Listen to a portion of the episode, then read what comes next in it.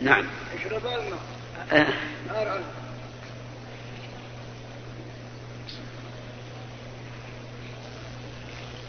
أنت صاحب الأسئلة؟ انتبه. الشروط الثلاثة كم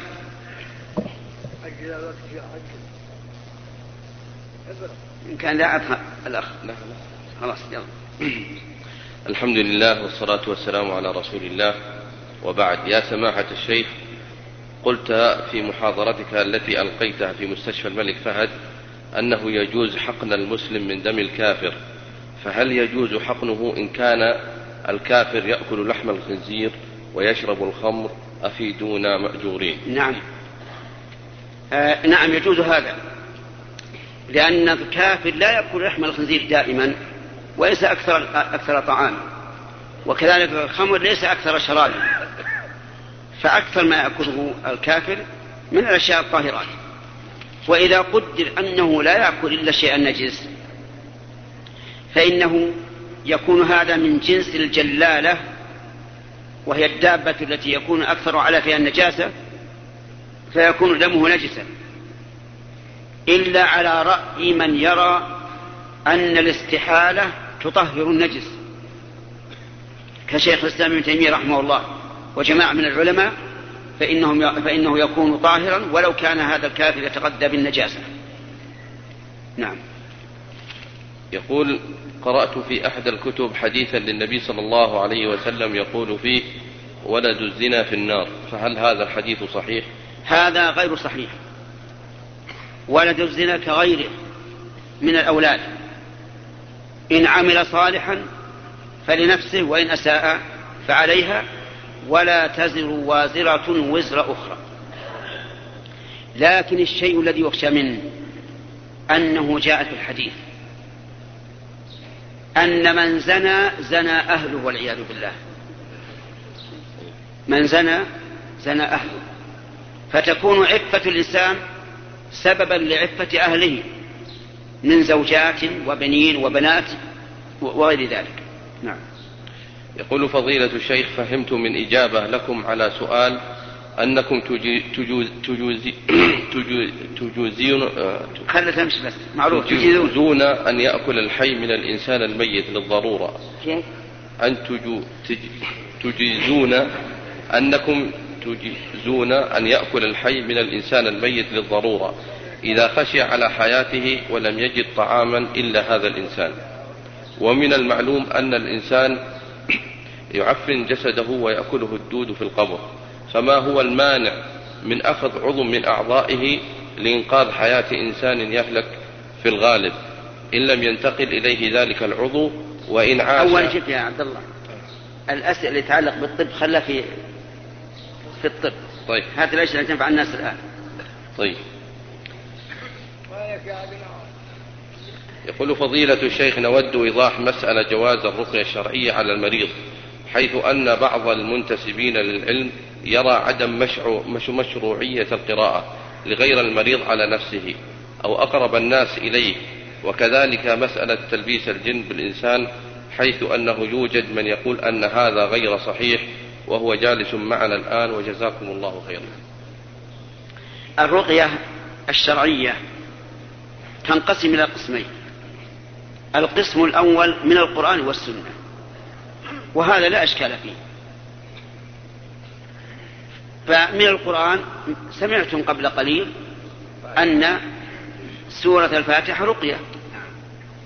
وكذلك إذا قرأ على المصاب بمرض ما يناسب ذلك المرض كما لو قرأ على المسحور بآيات السحر. مثل قوله تعالى ما جئتم به السحر إن الله سيبطله إن الله لا يصلح عمل المفسدين. وكما في قوله تعالى إنما صنعوا كيد ساحر ولا يفلح الساحر حيث أتى. وأمثال ذلك. أما السنة فكذلك فيها أحاديث كثيرة. فيها أدعية المرض القسم الثاني ما لم ترد ما لم يرد في الكتاب والسنة لكنه دعاء. مثل أن يقول الإنسان وهو يقرأ المريض اللهم عافي هذا المريض اللهم أزل مرضه اللهم عجل له بالعافية وما أشبه ذلك. من الكلمات التي لا تنافي ما في القرآن والسنة لكنها لم تأتي بلفظها في الكتاب والسنة. أما الكلمات التي لا يفهم معناها أو الكتابات التي تكون طلاسم مربعات مدورات مثلثات منجمات فهذه كلها حرام. لا تجوز الرقية بها بأي حال من الأحوال. أما إنكار أن يكون الجن يتلبس بالإنسان فهذا خطأ لأنه جاء في القرآن الكريم ما يدل على ذلك أي على تلبس الجن بالإنس. يعني يداخله حتى يكون كاللباس له وكذلك في السنة. ووجدت آثار كثيرة عن السلف في هذا الموضوع. ولا يمكن إنكار مثل ولا يمكن إنكار مثل هذا. قال الله تعالى الذين يأكلون الربا لا يقومون إلا كما يقوم الذي يتخبطه الشيطان من المس. وجاء في مسند الإمام أحمد بن حنبل رحمه الله أن النبي صلى الله عليه وسلم مر بامرأة لها بن يسرع فقرأ عليه النبي عليه الصلاة والسلام وقال له اخرج عدو الله فإني رسول الله. فخرج وبرئ الصبي. وأما الواقع فشاهد بذلك. كثير من العلماء يشهدون بها. قال ابن القيم رحمه الله في زاد المعاد إنه أتي إلى شيخنا. من شيخه؟ ابن تيمية. أتي إليه برجل مصروع فجعل يقرأ عليه. يقرأ عليه. ولكن الجني لا يريد الخروج. فقال له شيخ الإسلام كلاما معناه اخرج هذا ظلم ولا يحل لك. فقال الجني وهي امرأة وهي امرأة قالت إني أحبه. فقال شيخ الإسلام لكنه لا يحبك لا يحبك. فقالت إني أريد أن أحج به. قال وهو لا يريد أن يحج معك وأبت أن تخرج. فجعل يضرب الرجل المصروع الذي أصابه المس حتى خرجت. فقالت له لما جعل يضربه قالت أخرج كرامة للشيخ. قال لا لا تخرجي كرامة لي. أخرجي طاعة لله ورسوله. لأن هذا ظلم. فخرجت. خرجت منه.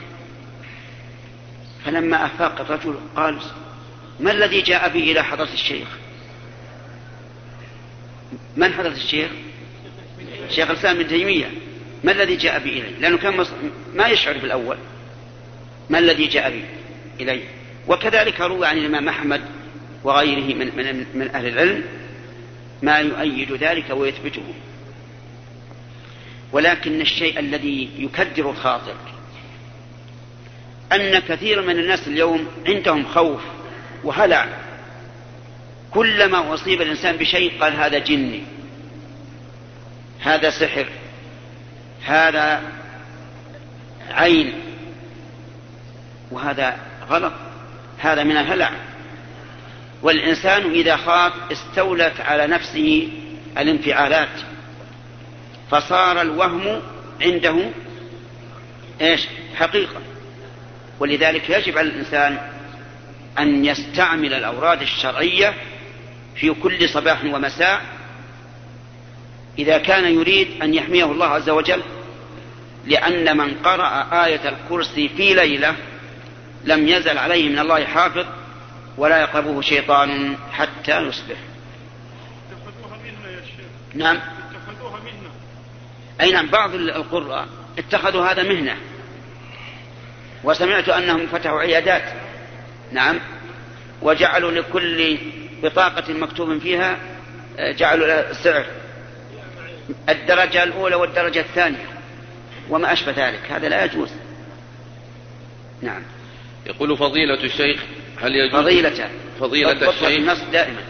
فضيلة الشيخ هل يجوز ترجمة أسماء الله الحسنى إلى لغة غير عربية يعني أجنبية؟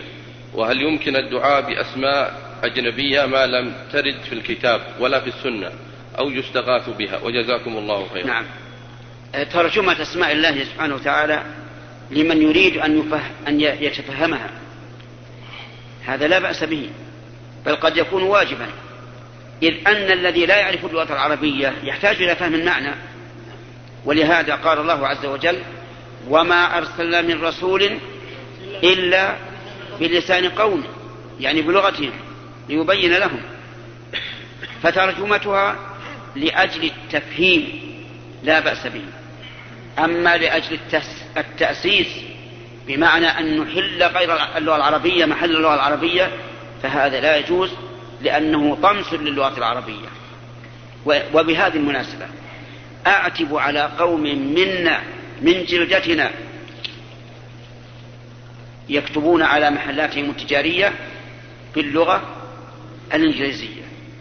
ولا تجد على اللافتة شيء من اللغة العربية. يعني كأننا في لندن ولا في باريس. سبحان الله. أنت في بلد عربي. اكتب اللغة العربية وإذا كان عندك أناس كثيرون لا, لا يجيدون اللغة العربية اكتب الإنجليزية ما في مانع.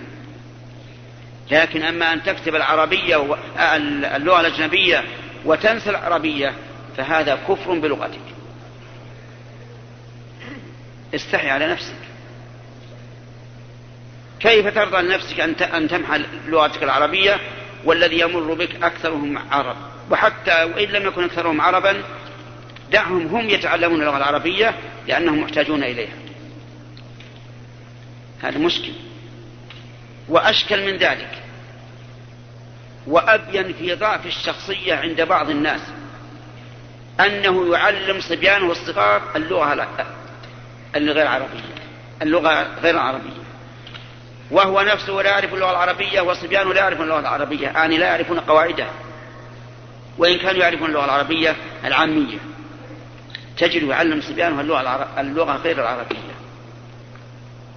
يقول للصبي إذا أراد أن يفارقه بدل أن يقول السلام عليك ماذا يقول؟ ها؟ يقول ماي ماي؟ bye bye. يعني يقول كأنه يقول خذ هذا اللفظ ودع اللفظ الذي جاء الذي جاءت به السنة وجاء بل جاء به القرآن أولا. وجاءت به السنة وجاءت به لغتك آسف والله على هذا. آسف على قوم يفخرون بلغتهم العربية التي هي لغة القرآن والسنة والتي جاء في بعض الآثار أنها لغة أهل الجنة. وليست هذه الآثار ببعيدة من الصحة لأن ثلثي أهل الجنة من أتباع محمد صلى الله عليه وسلم. اللهم اجعلنا من أتباعه يا رب العالمين آمين. يقول فضيلة الشيخ نرجو من فضيلتكم شرح حديث الرسول صلى الله عليه وسلم من غسل واغتسل وبكر وابتكر مع ذكر نص الحديث ومدى صحته وجزاكم ومدى الله صحته ومدى صحته وجزاكم نعم. الله خيرا هذه إن شاء الله نتكلم عليهم إن جينا إلى هذا المكان آه، في يوم الجمعة في صباح يوم الجمعة عشان يكون مناسب من غسل واغتسل يعني يوم الجمعة وبكر وابتكر ودنا من الإمام ولم ولم يلغو كتب الله له في كل خطوة يخطوها كذا وكذا حسنات. لكن أقول إن من المهم أن لا يدع الإنسان الغسل ليوم الجمعة. لأن نبينا عليه الصلاة والسلام قال غسل الجمعة واجب على كل محتلم. ومعنى كل محتلم يعني كل بالغ واجب صريحة في الوجوب. غسل الجمعة واجب على كل محتلم ويكون الغسل من طلوع الشمس إلى أن يذهب الإنسان إلى الجمعة. سواء في أول النهار أو في وسط الضحى أو قبيل ذهابك إلى الجمعة. المهم أن لا تصلي الجمعة إلا وقد اغتسلت. نعم. فضيلة الشيخ إذا كان للزوجة مال عند زوجها وتستحي أن تطلبه فهل لها أن تأخذ من ماله قدر ما عنده ما عنده لها دون علمه أم لا؟ نعم. مفهوم السؤال؟ يقول هذه امرأة في ذمة زوجها لها دراهم وتستحي أن تطلبها الدراهم من الزوج فهل لها أن تأخذ مقدار حقها من ماله بغير علمه والجواب لا. ليس لها أن تأخذ.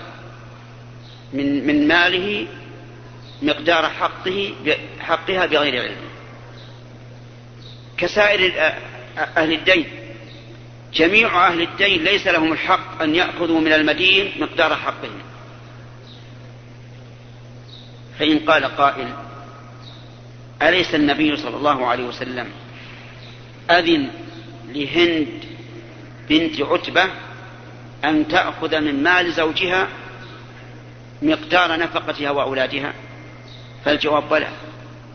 لكن فرق بين الدين والنفقة.